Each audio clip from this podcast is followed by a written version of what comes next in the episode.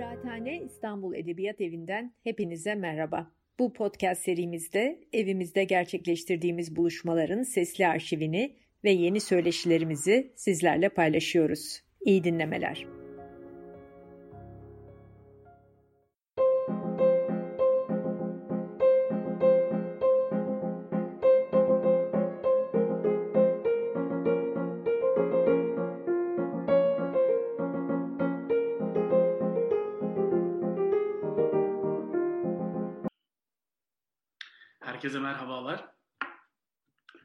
Kıraathane İstanbul Edebiyat Evi e, ne mutlu eşitim diyene e, milliyetçilikler konuşmalarında e, bugün ben konuk olacağım.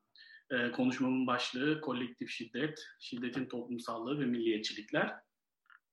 Bu konu başlığı altında e, gündelik hayatımızın artık sıradan bir unsuru, bir parçası e, hale gelen e, şiddetin ve bunun toplumsallığının kolektif toplumsallığından ve kolektif boyutundan ve bunun milliyetçilikle olan rezonansından, ilişkisinden bahsetmeye çalışacağım.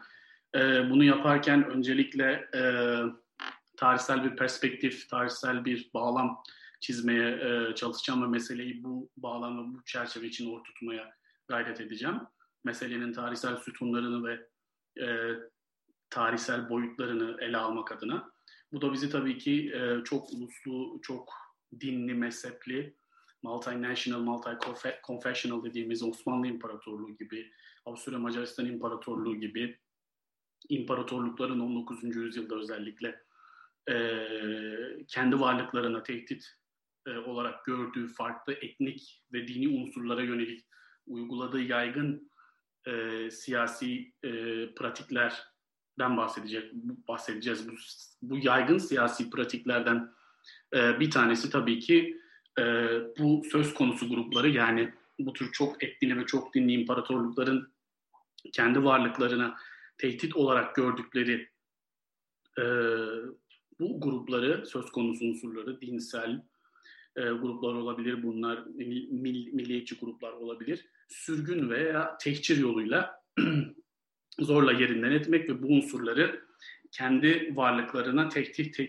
teşkil etmeyecek e, sayısal bir düzeye indirmek. Baktığımız zaman 19. yüzyılda e, çok uluslu ve çok dinli mezhepli imparatorlukların uyguladığı siyasalardan bir tanesi, yaygın olarak e, uyguladığı siyasalardan bir tanesi bu.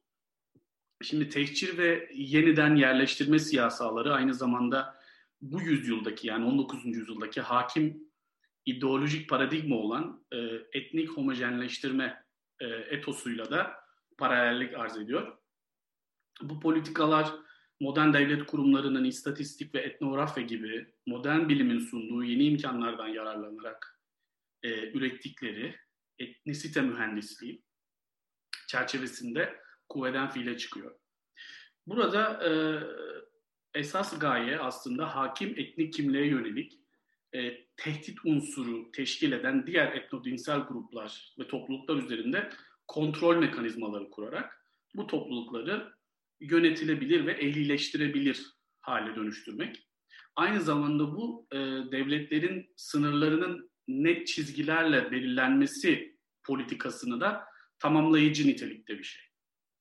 Etnisite artık devletlerin ve onların bürokratik ve ideolojik aygıtlarının siyasal tavır alışlarını belirleyen anahtar bir kavram haline geliyor. 20. yüzyılın başına kadar e, bu süreç devam etti ve bu zaman diliminde zorunlu göç, tehcir ve sürgün bunun beraberinde etnik temizlikler ve kitlesel şiddet eylemleri gibi politikalar Osmanlı, Avusturya Macaristan ve Çarlık Rusyası gibi farklı etnodinsel toplulukları bünyesinde barındıran imparatorlukların sıradan bir uygulamasına dönüştü. Böyle bir siyasal iklimde tabii ki zamanın ruhu da şiddetin son derece şiddet ve grotesk tezahürlerine e, tanık oldu. Ulusal ve etnodinsel kimliklerini, varlıklarını tehdit altında gören her an yıkılma, yok olma korkusu ve beka kaygısı taşıyan bu tarz toplumlar bu türden krizleri çözmek için son derece yüksek düzeyde kolektif kitlesel şiddet eylemlerine başvurdular. Daha da önemlisi bu aşırı kitlesel şiddet, etnodinsel e, çoğunluğu teşkil eden grupların kendi kimlik krizlerini izale etmek ve tehdit unsuru olarak gördüğü diğer azınlık grupları etkisiz hale getirmek adına e, makbul görülen ve üzerinde konsensüs sağlanan bir yöntem ve uygulamaya evrildi. Geniş Avrupa kıtasının bu dönemde neredeyse bir soykırım, etnik temizlik ve aşırı şiddet eğilimli toplulukların coğrafyasını dönüştüren e, bu dönemin yapısal bir takım bağlamları var tabii ki.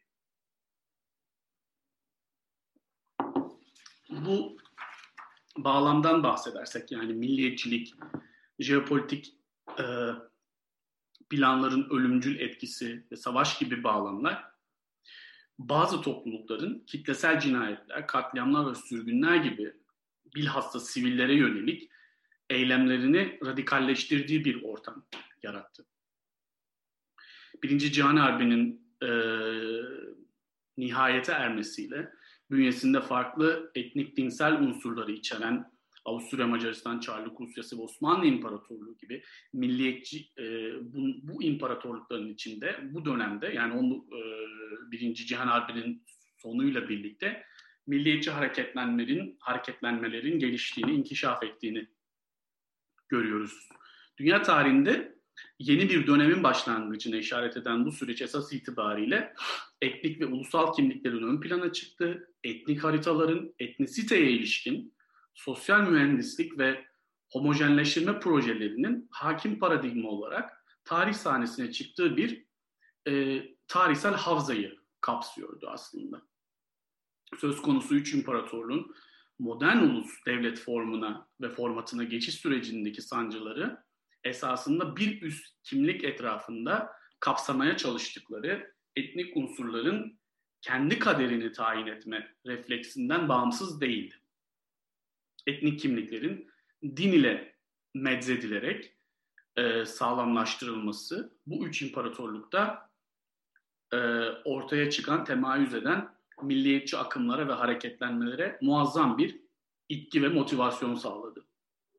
Nüfuslarının çok etkili yapısından ve sonuç itibariyle karşılaştıkları çıkmaz ve zorluklardan dolayı üç imparatorluk birbirine yakın çarpıcı benzerlikler taşımakta. Ancak tabii ki her devletin içindeki etnik ilişkilerin dinamiği ve her hükümetin izlediği politika arasında önemli farklılıklar var. Bu üç imparatorluğun çözülme sürecine girmesiyle birlikte imparatorluğu idare etmeden ulusu yönetme anlayışına doğru uzun ve engebeli bir yolda bünyelerindeki etnik ilişkilerin girift yapısını da daha belirgin hale getirmiş oldu. 19. yüzyılın ortasından itibaren başlayan ve e, İttihatçıların fiili anlamda devlet düzenini, otoritesini ve iktidarını ele geçirmesiyle adam akıllı su yüzüne çıkan devletin çöküşü ve milleti hakim Türklüğün başat unsuru olduğu imparatorluk düzeninin parçalanması aslen Osmanlı Devleti'nin de kendi sonunu kendi sonunu da hazırlamış oldu. Buna paralel olarak ucu bucağı olmayan bir güvenlik arzusu ve güney sınırındaki gelişmelerin bu güvenlik arzusunda yarattığı tahribatın verdiği endişe bir anlamda Çarlık Rusyası'nın da etnodinsel e, parçalanışının temelini hazırladı. Her iki imparatorluk coğrafyasında ve iki imparatorluğun da sınırlarında parçalanmaya giden süreçte devasa şiddet olayları, kitlesel katliamlar, etnik temizlikler ve zorla yerinden etme gibi şiddet gösterilerinin karakterize ettiği olaylar vuku buldu.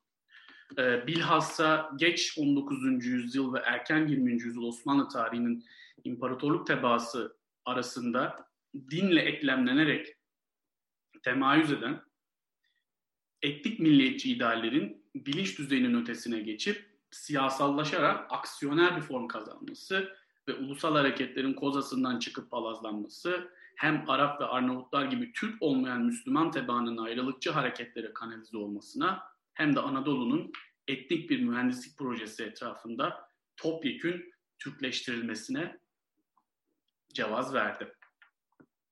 Şimdi milliyetçiliklerin uzlaşmaz doğası büyük çapta çatışmalara yol açtı. bu süreçte her iki imparatorluğun, Osmanlı İmparatorluğu ve Çarlık Rusyası her iki imparatorluğun sınır bölgelerinde beliren milliyetçi hareketlenmeler uluslararası devletlerin rekabet halinde olduğu küresel bir jeopolitik düzlemde vuku buldu.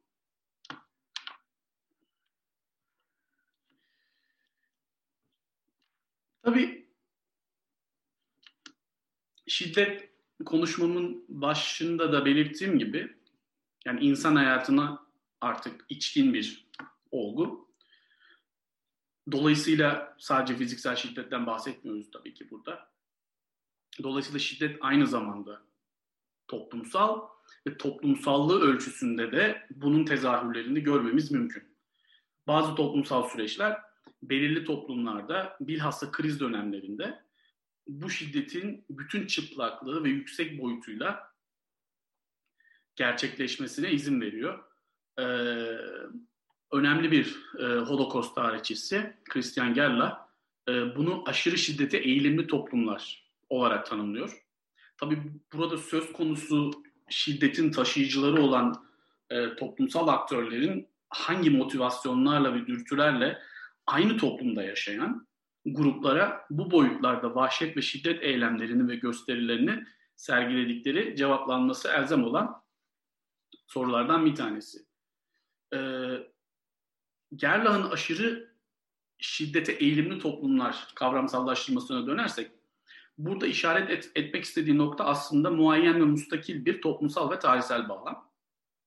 Bu bağlam aynı zamanda farklı bileşenler ve oluşumlar içeriyor.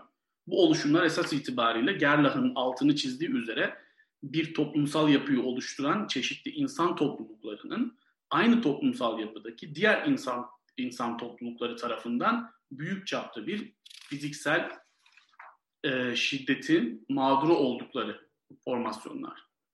Söz konusu şiddetin taşıyıcısı ve öznesi olan bu farklı topluluklar bu derece muazzam ve olağan dışı kitlesel şiddet ve vahşet eylemlerini çok farklı nedenlerle ve şiddet kullanma tekelini elinde bulunduran modern devletin aygıtlarıyla birlikte hareket ederek gerçekleştiriyorlar. Bu durum aslında Weber'in e, legal ve rasyonel bir bürokrat aygıt çerçevesinde hareket eden modern devlet formasyonunun adeta olmazsa olmazı, mütemmim cüzü diyebileceğimiz tanımladığı e, kendisinin yasal şiddet tekelini elinde bulundurma ve bunu kullanma özelliğini de bir kez daha düşünmemiz gerektiğini işaret ediyor. Zira aşırı şiddete eğilimli toplumlar esasında bize modern devletin bu olmazsa olmaz karakterinin bir hayli parçalı bir yapı olduğunu da gösteriyor.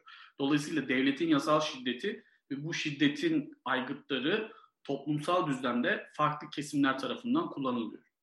Bu da bize devletin her durumda e, legal şiddet kullanımının tek aktörü olmadığını, hatta bunun e, böyle olduğu durumlarda bile bunu sadece devlet aygıtının aktörleriyle toplumun farklı ve değişik aktörleri ve özneleri aracılığıyla operasyonel hale getirdiğini getirdiğini e, görüyoruz. Şimdi burada aslında dikkat çekmek istediğim nokta şu. Bütün şiddet aygıtının tek sahibi ve otoritesi olmasına rağmen devletin neden bu türden kitlesel şiddet eylemlerini kendi başına değil de farklı toplumsal grupların veya aktörlerin geniş desteğine ve rızasına yaslanarak gerçekleştirmeye çalıştı. Devletin varlığı için hayati bir risk ve tehlike arz eden toplumsal gruplara yönelik bilhassa siyasal kriz dönemlerinde uygulanan aşırı şiddet, şiddet eylemlerini yalnızca devlet eliyle merkezden yönetmek oldukça zor. Bu nedenle devlet dediğimiz aygıt bu tür kitlesel şiddet eylemlerini gerçekleştirmek için çeşitli toplumsal grupların ve aktörlerin maddi ve manevi destek ve rıza mekanizmalarına ihtiyaç duyuyor. Pek tabii söz konusu değişik toplum, toplumsal kesimler ve aktörler oldukça farklı motivasyonlar ve sahiplerle bu sürece dahil olurlar. Bu da bu kesimler tarafından kullanılan şiddetin farklı yönlere yayılmasını ve değişik yoğunluklarla ve biçimlerde ortaya çıkmasını sağlar aşırı şiddete eğilimli toplumların şiddet sarmalına ve yörüngesine yalnızca bir mağdur veya kurban grubu dahil olmaz. aynı toplumun değişik kurumları ve kesimleri bu büyük ölçekli şiddete maruz kalabilir. Örneğin İkinci Dünya Savaşı sırasında e, Nazi Almanyası'nın e,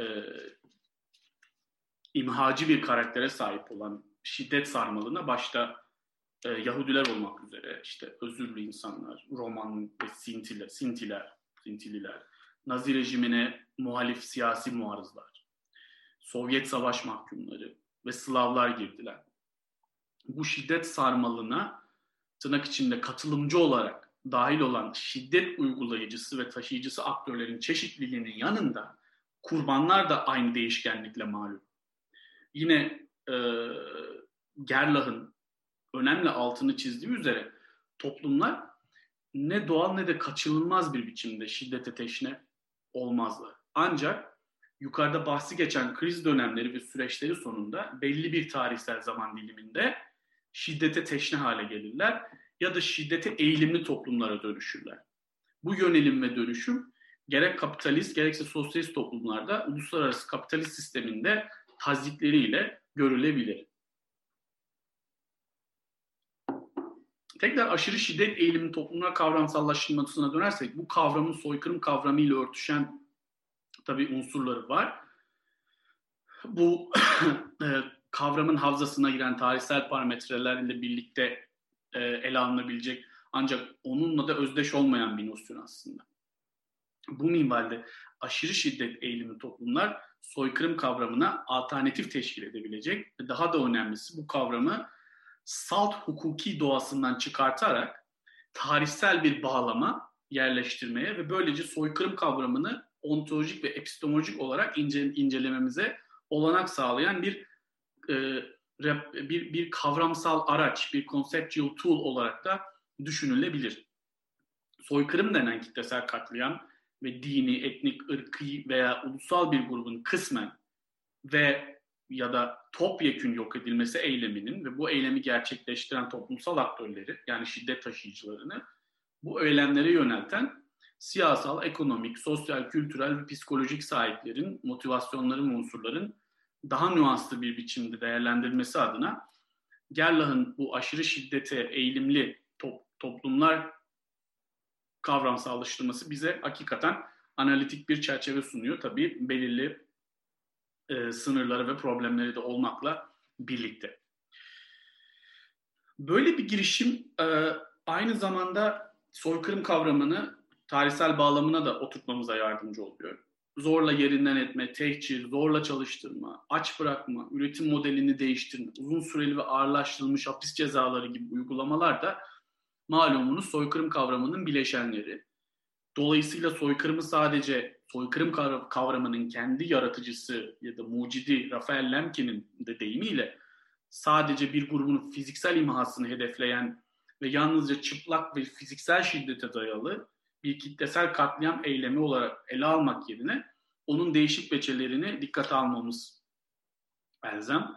Örneğin yine Holocaust, Holocaust'tan örnek vermek gerekirse Nazilerin Yahudilerin topyekün imha siyasetini daha iyi anlamak açısından İkinci Dünya Savaşı'nda ele geçirdikleri Sovyet mahkumlarına ve askerlerine ya da Slav ırkından gelen topluluklara e, yönelik zorla çalıştırma ve bu grupların iş gücünden yararlanma politikalarına bakmak bu devasa şiddet eylemini ve gösterilerinin farklı yönlerini ve boyutlarını gözler önüne seriyor. Dolayısıyla söz konusu şiddet sadece Yahudileri hedef almamış, aynı zamanda ve e, değişik biçimlerde ve yoğunlukta başka topluluklara da uygulanmış. Şimdi devasa ölçüde insan kayıplarının yaşandığı, işte toplumsal grupların politik, sosyal, e, ekonomik ve kültürel temellerinin ortadan kaldırılması ve bu grupların grup olma özelliklerini kaybetmeleri suretiyle yaşamsal faaliyetlerin akamete uğratıldığı kitlesel şiddet olayları ve kitlesel kıyımlar askeri veya paramiliter gruplar arasındaki savaş ortamının dışında kalan insan topluluklarının maruz kaldığı geniş çaplı şiddet eylemleri. Gerek soykırım gerekse etnik cinayi temizlik ee, bunun gibi aşırı şiddet eğilimli toplumların kozasından çıkan kitlesel kırım ve katliam eylemlerinin tek bir merkezden veya yalnızca devletin şiddet araçlarıyla gerçek, gerçekleşebileceğini iddia etmek bu tür eylemlerin altında yatan toplumsal etmenleri ve bu eylemlerin toplumsallığını göz ardı etmek anlamına gelir. Zira yukarıda da vurguladığım üzere devletin ya da merkezi otoriteyi elinde tutan siyasi aktörlerin belirgin bir toplumsal zemin, taban, destek, meşruiyet ve rıza mekanizmaları olmadan aynı toplumun bir kesimini başka bir kesimine kırdırması neredeyse imkansızdır. Dolayısıyla bu kitlesel katliam ve yıkım süreçlerine dahil olan aşırı şiddet uygulamaya teşne toplumsal aktörlerin kimler olduğunu ve ne çeşit motivasyonlarla bu süreçlere katıldıklarını ortaya koymak bu eylemlerin çıkış noktasını anlamak ve açıklamak adına yine önemli. Çarpıcı olan bir diğer nokta bu kitlesel katliamlara katılan toplumsal aktörlerin son derece farklı sosyal arka planlara, deneyimlere, yaş gruplarına ve eğitim seviyelerine sahip olmalı. Aktörler arası bu çeşitlilik ve geçişkenlik aslında bu devasa katliamların ve yıkım olaylarının düzenleyicisi ve birinci derecede sorumlusu olan merkezdeki devlet elitlerinin de işini kolaylaştıran ve bu süreçlerde e, esnek koalisyonlar kurmalarına olanak sağlayan bir faktör. Bu esnek koalisyonlar söz konusu kitlesel şiddet eylemlerinin uzun vadede başarıyla sonuçlanmasına katkıda bulunuyor tırnak içinde. Zira bu sayede merkezi devletin siyasal, askeri ve bürokratik elitleri planladıkları ve uygulamaya geçirdikleri bu şiddet eylemlerinin sorumluluğunu diğer toplumsal kesimlere de teşmil ederek, yayarak yani yani suçu tabana yayarak aslında bir suç ortaklığı inşa ediyorlar. Bu suç ortaklığı aynı zamanda inşa edilmesi e, tahayyül edilen o yekpare kimliğe, bu ulus kimlik veya etne dinsel kimlik olabilir e, veya kutsal amaca hizmet etmek isteyen toplumsal gruplara aynı zamanda bu yapıya entegre olma ve belirgin, muayyen bir aidiyet hissine sahip olma şansı da veriyor. Bu türden farklı toplumsal gruplar ve yerel aktörler adeta yok edilmesi hedeflenen diğer toplumsal kesimlerin yıkımına destek ve katkı sağladıkları ölçüde yaratılması veya oluşturulması planlanan, inşa edilmesi planlanan veya niyetlenen yapıya ya da o kimliğe ait olma hakkına kavuşuyorlar bu şekilde birbirinden farklı ideolojik yönelimlere ve davranış kalıplarına sahip toplumsal grupları başka bir toplumsal gruba yönelik uygulanacak olan kitlesel bir katliam ve şiddet gösterisi etrafında bir araya getirmek için farklı motivasyonlar devreye sokuluyor. İşte büyük çapta şiddet eylemlerinin gerçekleştirilmesi dolayısıyla yalnızca devlet ve devletin merkezi bürokratik aygıtlarını özgü bir durum olarak görmek söz konusu şiddetin kaynaklarını ve kökenlerini açıklamakta e, hakim kalıyor.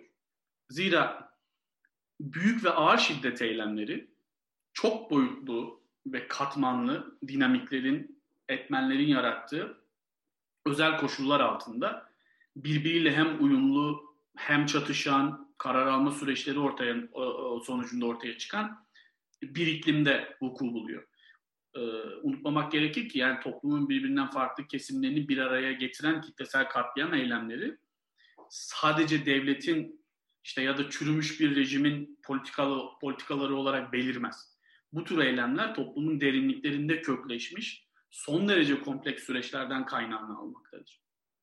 Dolayısıyla bu içerikte bir şiddeti ve şiddet eylemlerini modern devletin şiddet kullanma tekeli üzerinden analiz etmek devlet dediğimiz olguyu da aynı zamanda toplumsal bağlamından kopartarak onu mekanik ve biçimsel bir perspektiften algılamamıza yol açıyor. Ki bu da devlet toplum ilişkisinde ibrenin yalnızca devlet tarafına çevrilmesine yol açıyor. Neden oluyor? Toplumsal olandan ve toplumsal ilişkilerinden arındırılmış bir devlet analizi tarihsellikten uzaktır. Yani bu Nikopolonsas'ın önemli e, argümanlarından bir tanesi. bu bağlamda kitlesel kırımlar, etnik temizlik ve aşırı şiddet eylemlerinin nasıl sata çıktığını irdelemek, bunun altında yatan çok katmanlı sebepleri ortaya koymak için devlet toplum ilişkilerini yeniden düşünmemiz gerekiyor. Bugün de geçerli tabii ki bu. Toplumsal düzlemde gerçekleşen bütün siyasal, ekonomik, sosyal ve kültürel etkileşimler, kavgalar, çıkar çatışmaları ve diğer eyleyişler, eylemler, devlet dediğimiz olguda yansımalarını buluyor. Bir anlamda devlet toplumun, toplumla devletin serencamı gibi. Şüphesiz devletin sivil ve askeri bürokratik aygıtları, devlete bağlı olarak faaliyet gösteren merkezi devlet elitleri, aşırı şiddet gösterilerinin ve eylemlerinin gerçekleştirildiği kitlesel şiddet olaylarında kilit bir rol oynarlar. Ancak bunun yanında mevzul miktarda toplumsal aktöründe aktif olarak bu eylemlere katıldığını hesaba katmak gerekiyor. Son derece farklı sahiplerle bu eylemlere katılan bu aktörleri harekete geçiren unsurları analiz etmek aynı zamanda devletin yapısını da irdelemek anlamına geliyor. Dolayısıyla şiddetin e, bizatihi kendisi devlet toplum ilişkilerini belirleyen önemli parametrelerden biri haline geliyor.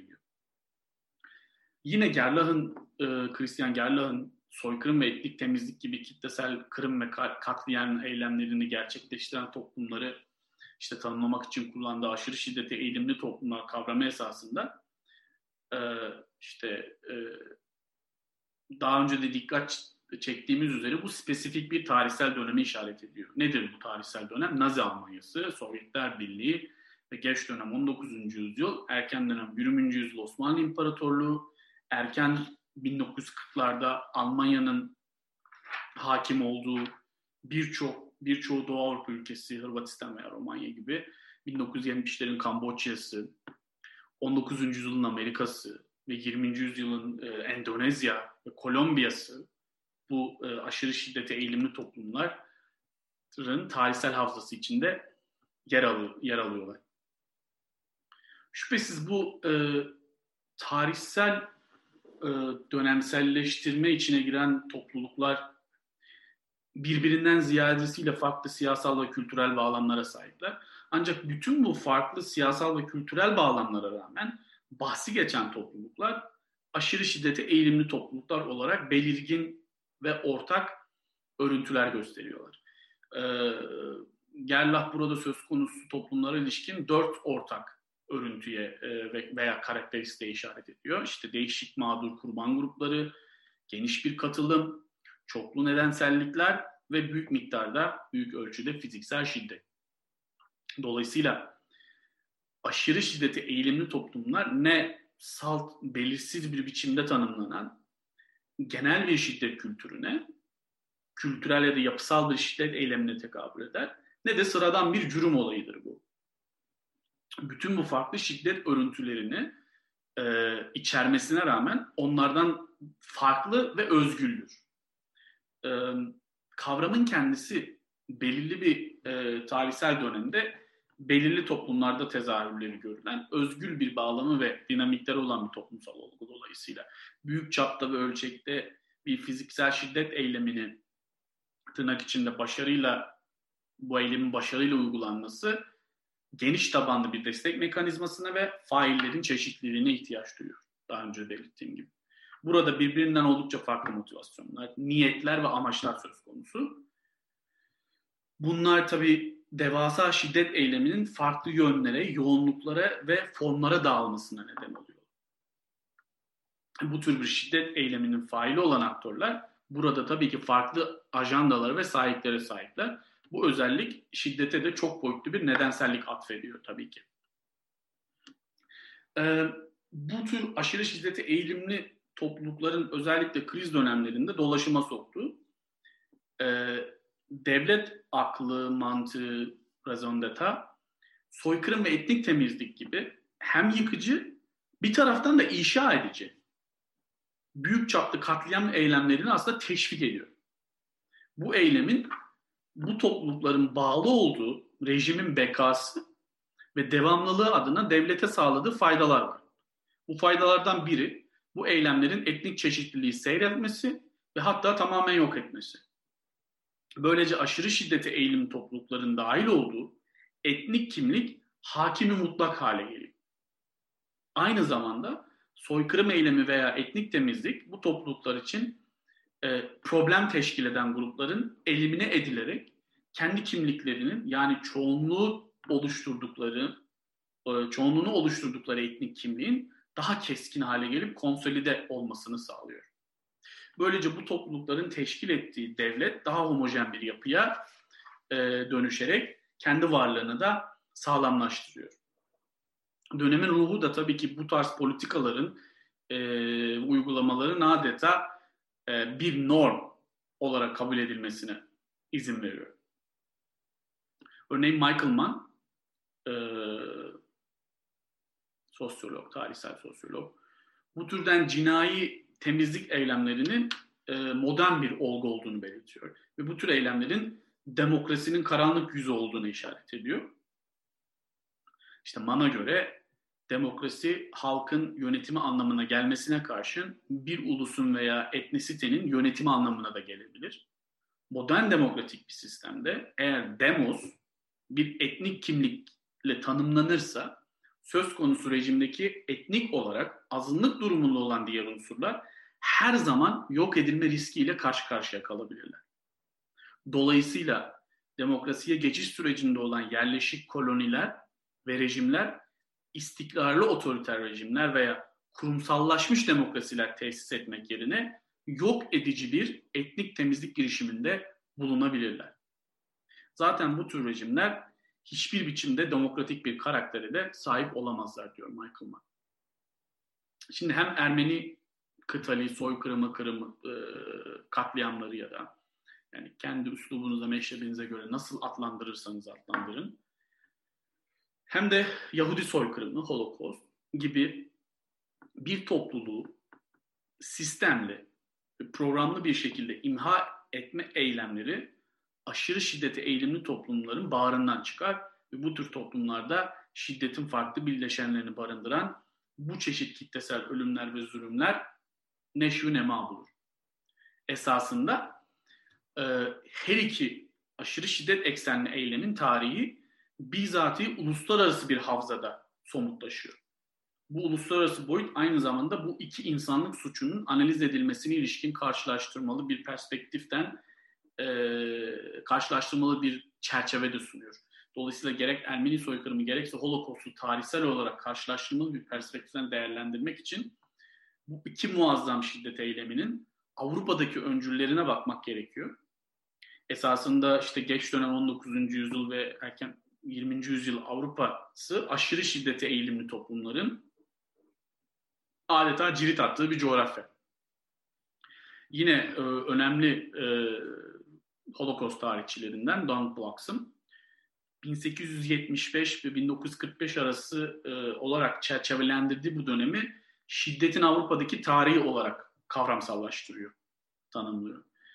E, Bloxham Avrupa tarihinin bu kesitini etnonasyonel ve etnodinsel problemlere gittikçe artan ölçüde şiddetli çözümlerin uygulanması olarak karakterize ediyor.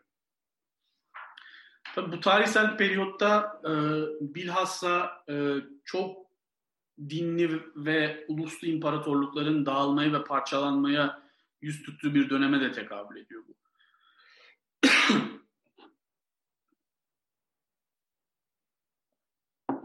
bu süreçte böyle imparatorluktaki imparatorluklardaki etnik azınlık bu dönemin ruhuna paralel olarak ulusal ve etnodinsel homojenleştirme projesi kapsamında etnodinsel çoğunluk tarafından önce stigmatize ediliyor ve daha sonra çeşitli etnisite ve demografi mühendislikleri operasyonlarıyla ortadan kaldırılıyor ya da söz konusu etnik çoğunluğun bekası ve geleceği için tehdit teşkil etmeyecek bir sayıya veya forma, şekle indirgeniyor. Bu sayede etnodinsel olarak çoğunluğu oluşturan gruplar kendi kimliklerini daha da keskinleştiriyor, koyulaştırıyor ve güçlendiriyor. Ulusal veya etnodinsel kimliklerini tehdit altında gören ve her an yıkılma, yok olma korkusu taşıyan bu tarz toplumlar e, kimlik krizlerini çözmek için kat sayısı son derece yüksek düzeyde olan kolektif şiddete başvuruyorlar. Daha da önemlisi bu aşırı şiddet, kitlesel şiddet, etnodinsel çoğunluğu oluşturan toplulukların kendi kimlik krizlerini çözmek ve tehdit unsuru olarak gördüğü diğer azınlık et, etnodinsel grupları etkisiz hale getirmek ve gerekirse onların mantığıyla tabii ki topyekün imha etmek adına makul görülen ve üzerinde konsensus sağlanan bir yönteme, uygulamaya dönüşüyor.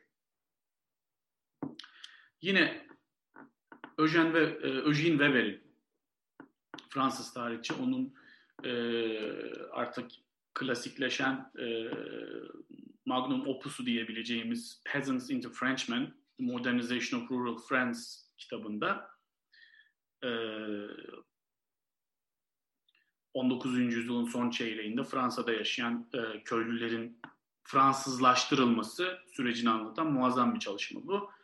E, az önce bahsettiğim uygulamaya, yönteme aslında çarpıcı bir örnek teşkil ediyor.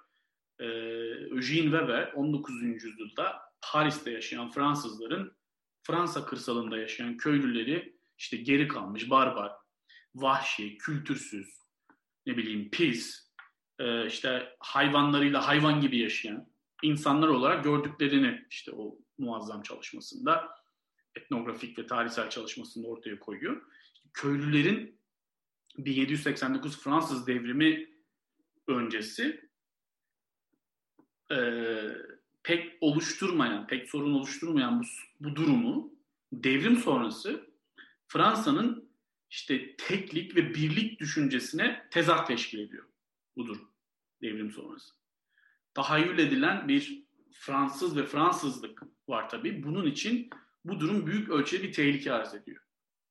Dolayısıyla bunun bir an önce düzeltilmesi ve köylülüğün mutlak suretle medenileştirilmesi ve yeni Fransız bireyine dönüştürülmesi.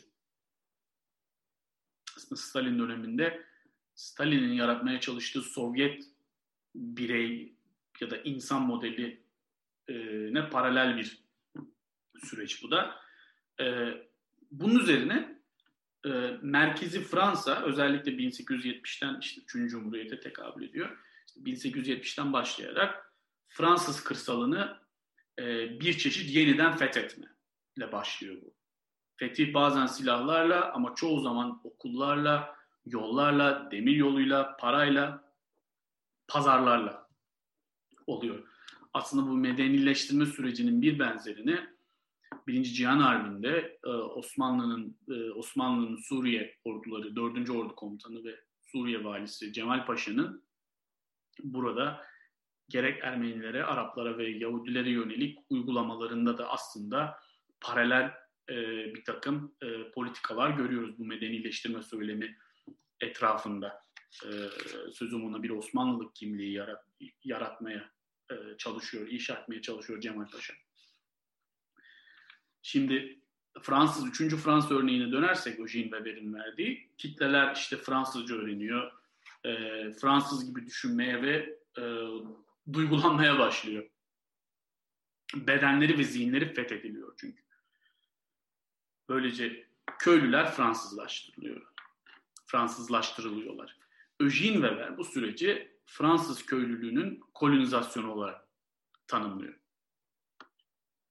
Şimdi aynı yönetim, yöntem İttihat ve Terakki iktidarı döneminde de bilhassa Birinci Dünya Savaşı öncesi ve savaş sırasında az önce belirttiğim gibi Türk olmayan Müslüman unsurların Türkleştirilmesi suretiyle tatbik ediliyor ve bu süreç e, tırnak içinde başarıyla gerçekleştiriliyor.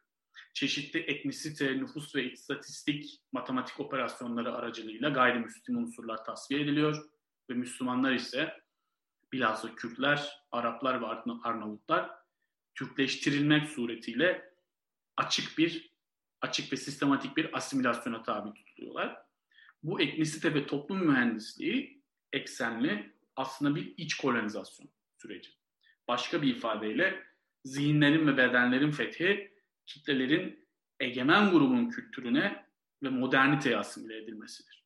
Bahsi geçen her iki süreçte bütün şiddet araçları seferber ediliyor. Şimdi Avrupa'da bu dönemde cari olan bu verili tarihsel bağlam aslında bize hem Ermeni soykırımı hem de Holocaust'u e, or, kuvveden fiile çıkaran aşırı şiddet dinamiklerinin soykırımsal e, ve etnosiyasi uygulamaların söz konusu coğrafyada iki olaydan önce de hali hazırda mevcut olduğunu gösteriyor.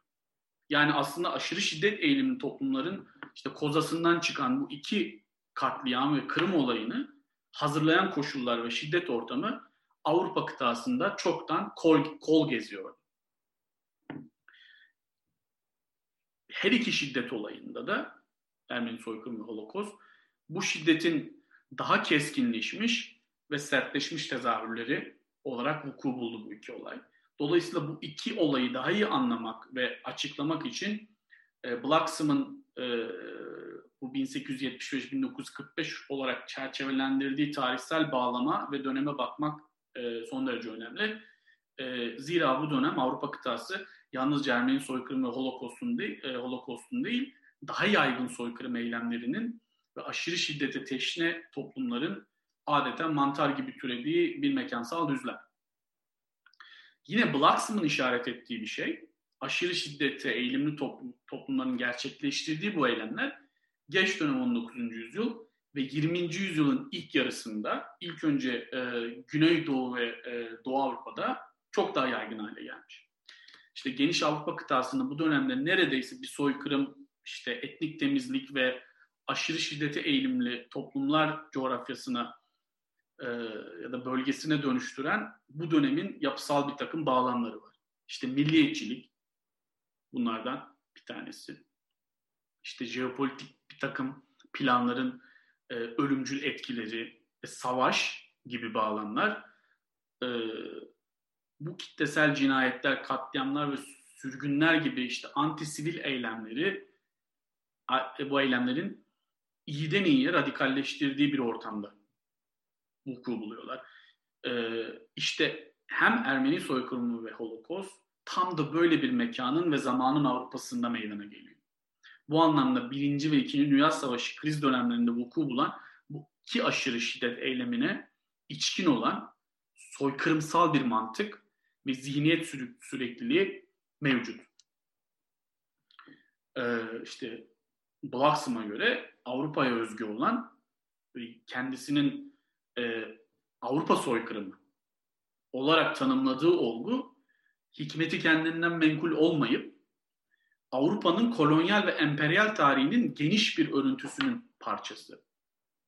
Daha da önemlisi bu olgu Avrupa'nın Amerika, Asya, e, Afrika ve Avustralya'daki kolonilerinde gerçekleştirdiği kolonyal soykırımın bizatihi kendisi. Bu olgunun tezahürlerini ve işte yansımalarını görmek için Avrupa'nın bahsi geçen kolonilerinde e, yerli otokton halklara uyguladığı politikalara göz atmak yeterli.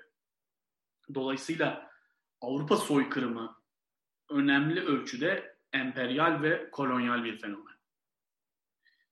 Emperyalizm ve kolonyalizm ile e, malul bu coğrafya, coğrafi düzlem aşırı şiddet eğilimli bir Avrupa topluluğu ve toplulukların da hayat bulduğu bir, bir yer. Pek tabii bu ölçüsüz şiddet 20. yüzyılda icat edilmiş bir olgu değil, olay değil. Ancak bu yüzyılda daha fazla katılımcı karakter kazanarak farklı bir boyuta ulaşıyor. Katılımcı karakterden kasıt devletin aşırı ve ölçüsüz şiddet kullanımında tek başına hareket etmeyerek söz konusu şiddetin taşıyıcılarını çeşitlendirmesi ve çoğaltması başka bir ifadeyle ölçüsüz şiddetin toplumun farklı kesimlerinden gelen grupların katılımı ile kitlesel bir karakter kazanması. Bu şekilde bir katılımcı e, karakter e, tarihsel olarak erken dönem 20. yüzyılda Avrupa'nın kolonilerinde uyguladığı e, kitlesel şiddetin Avrupa'ya geri dönme sürecine de tekabül ediyor. Şimdi Yahudi karşıtlığından yani antisemitizmden farklı bir tebende belki bir modern dönem, modern çağ yan etkisi sayılabilecek biçimde ortaya çıkan e, yani Yahudin karşıtlığından farklı antisemit akımların doğuşu 19. yüzyıldan 20. yüzyıla dönülen e, o çağ aralığındaki gelişmeleri de ele alan e, işte 20. yüzyılda sayısız insanın hayatına mal olacak, soykırım girişimlerine, katliamlara, toplumsal hezeyanlara kapı aralayacak. Ardından işte Siyonist şiddet şiddetle karşı dramlar yaratacak bir e, eşiği analiz ediyor. E, totaliterizmin kaynakları başlıklı muazzam çalışmasında Hannah Arendt. Avrupa'da yaşayan, yaşayan Avrupa'nın ırksal ve kültürel olarak üstünlüğünü tırnak içinde kanıtlayan teorilerin ve bunların yol açtığı totaliter sonuçların Avrupa'nın ya da beyaz göçmen kolonilerinin Asya, Afrika ve neredeyse bütün dünyada yarattığı ekonomik yayılmacılık ve sömürü sonucu ortaya çıktığını iddia ediyor Hannah Arendt. Totaliterizmin kaynaklarında. Şimdi Arendt'in Avrupa'nın kendi kolonilerinde uyguladığı işte ırkçı teoriler bunlar 19. yüzyılın geç dönem 19. ve erken dönem 20. yüzyılda bu ırkçı teoriler çok yaygın bir biçimde. Hatta bilimsel bir takım kılıflar da e, uyduruluyor buna. İşte cebir kullanılarak gerçekleştirilen nüfus transferleri, soykırım öncesi katliamlar ve demokratik olmayan diğer bütün şiddet siyasalarının etkilerinin ve sonuçlarının Avrupa'ya bir, bir bumerang gibi geri döndüğünü belirtiyor Arendt uygulamaları. Başka bir ifadeyle bu demokratik olmayan ve aşırı şiddet eğilimli totaliter uygulamalar, kolonyal pratikler ve e, politikalar Avrupa'nın siyasal ve entelektüel kültürünü ziyadesiyle etkiliyor. Bunun sonucunda Avrupa'da özellikle 1880'lerden sonra ırkçı teorilere ve düşüncelere yatkın, otoriter ve aşırı şiddet eğilimli siyasi yönetimler güçleniyor. Ee, ve Arendt bu süreci az önce de belirttiğim gibi bumerang etkisi olarak tarif ediyor. Avrupa'nın kolonyal ve emperyal deneyimleri Avrupa coğrafyasında olan bütün korkululu şiddet eylemlerine kapı aralayan bir durum yaratıyor. Örneğin e, Almanya'nın Afrika'daki, Orta Afrika bilhassa kolonyal varlığı daha sonra tarih sahnesine çıkan Nazi elitlerinin yeşermesi ve çiçeklenmesi için en verimli toprakları teşkil ediyor. Aslında Avrupa kolonilerinde uyguladığı şiddetin de ötesine geçerek bizatihi kendisi daha çok e, şiddetin var olduğu bir dünyaya dönüşüyor. Dolayısıyla e, yine Arendt'e göre totaliterizm, totaliterizm, ırkçılık ve antisemitizm sadece Almanya'ya özgü değil, bizatihi Avrupa'ya özgü olgulardır bunlar. İşte kolonyal güçler kolonilerindeki yerli halklara ölçüsüz şiddet politikaları uygularken bunları e, bu yerli halkları imha edip yerlerine kendi topluluklarını yerleştirmek suretiyle bu, top, bu grupların desteğini ve katılımını sağlayarak yapıyor. Zira sömürgelerde yaşayan yerli halkın yerinden edilmesiyle birlikte buraya yerleştirilecek olan topluluklar bu otoktan halkın toprağına, malına ve mülküne sahip oluyor. Dolayısıyla bu toplulukların kolonyal güçlerin ölçüsüz şiddet politikalarına verdiği aktif destek ve katılımın arkasında böyle bir ekonomik motivasyonun varlığını da düşünmek gerekiyor. Dolayısıyla şiddet eylemlerinin dinamiklerinin ve ortaya çıkış nedeninin anlaşılması bakımından ekonomik sahipler önemli. Bilhassa işte hedef alınmış bir toplumsal gruba veya gruplara ait zenginliğin e, elde edilmesi gibi bir motivasyon toplumun değişik katmanlarında yer alan farklı aktörleri harekete geçiren güçlü bir teşvik. Böyle bir motivasyonla hareket eden aktörlerin geniş katılımıyla birlikte hedef alınan ve kurban durumuna düşürülen topluluk ve topluluklar bu surette elimine ediliyorlar. Yine e, önemli e, kitlesel şiddet eylemleri çalışan önemli tarihçilerden bir tanesi Mark Levin. E, Mark Levin'in mega soykırımlar olarak tanımladığı, aşırı şiddete eğilimli toplumların uyguladığı kolektif şiddete dayalı bu kırımlar bu tür toplumların beslendiği ve e, su yüzüne çıktığı devletlerin bünyesinde gerçekleştirilen anti sivil şiddet eylemlerinin daha geniş örüntülerinin bir parçası. Şimdi Levin soykırım eyleminin kaynağına ve kökenine inmeye çalışırken bunu ulus devletler üzerinden ortaya koymaya çalışıyor. Levine'e göre ulus devletlerin oluşturduğu uluslararası sistem soykırımın temel ve yapısal nedeni. Bu uluslararası sistemde birbiriyle sürekli rekabet halinde olan ulus devletlerden bazıları diğerlerinden daha tehlikeli ve aşırı şiddete eğilimli. Bu rekabet ortamı soykırım eylemini e, doğuran ve tetikleyen bir etki yaratıyor. Blackson ise Levine'in bu argümanını ulus devletlerin uluslararası jeopolitik ilişkileri bağlamında e, ele alarak destekliyor. E, örneğin Blackson'a göre geç dönem 19. yüzyıl ve erken dönem 20. yüzyılda e, aşırı şiddet eğilimli bir devlet ve topluluk olarak Osmanlı İmparatorluğu Ermeni soykırımını jeopolitik, etnik ve ekonomik sahiplerin bir araya getirdiği bir e, konfigürasyonda gerçekleştiriyor. Bu sayede e, Blacksum aslında bize daha geniş ve karşılaştırmalı bir perspektif sunuyor. E, son olarak Ermeni soykırımı özelinde işte Ermeni soykırımı, emperyalizm, milliyetçilik ve 1914'ten bu yana e, Avrupa'da kitlesel şiddetin e, teşkil ettiği bir makro tarihsel çağdaki çağda çağda kısmen kaçınılmaz, kısmen de tesadüfi bir işlevsel yıkım. Ee, yine önemli tarihçilerden Hans Lukas Kaiser'in alt, önemli altını çizdiği üzere Şark eyaletlerinin işte modern büyük Avrupa'da Rusya, Osmanlı İmparatorluğu da dahil buna e, Kırım'ın ilk kez gerçekleştiği asıl arena olduğu hususunda kitlesel şiddet hakkında hakkında yazan yakın zamanlarda yapılan uluslararası araştırmalarda da büyük bir mütabakat söz konusu bu meseleyle ilgili.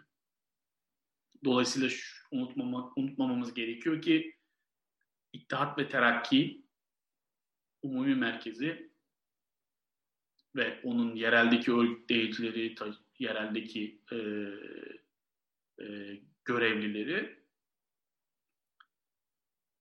Ermeni soykırımının gerçekleştirdiği mahallelerdeki pek çoğu gönüllü olan e, cellat ve vurguncuyla birlikte bu eylemi gerçekleştirmiştir. Dolayısıyla e, burada kolektif şiddet e, toplumsallığından bahsetmeye çalıştım. Bundan bahsederken de bunu geniş bir tarihsel perspektife bağlama oturtarak anlatmaya çalıştım. Bazı e, kavramlar ve kavram repertuarı e, çerçevesinde.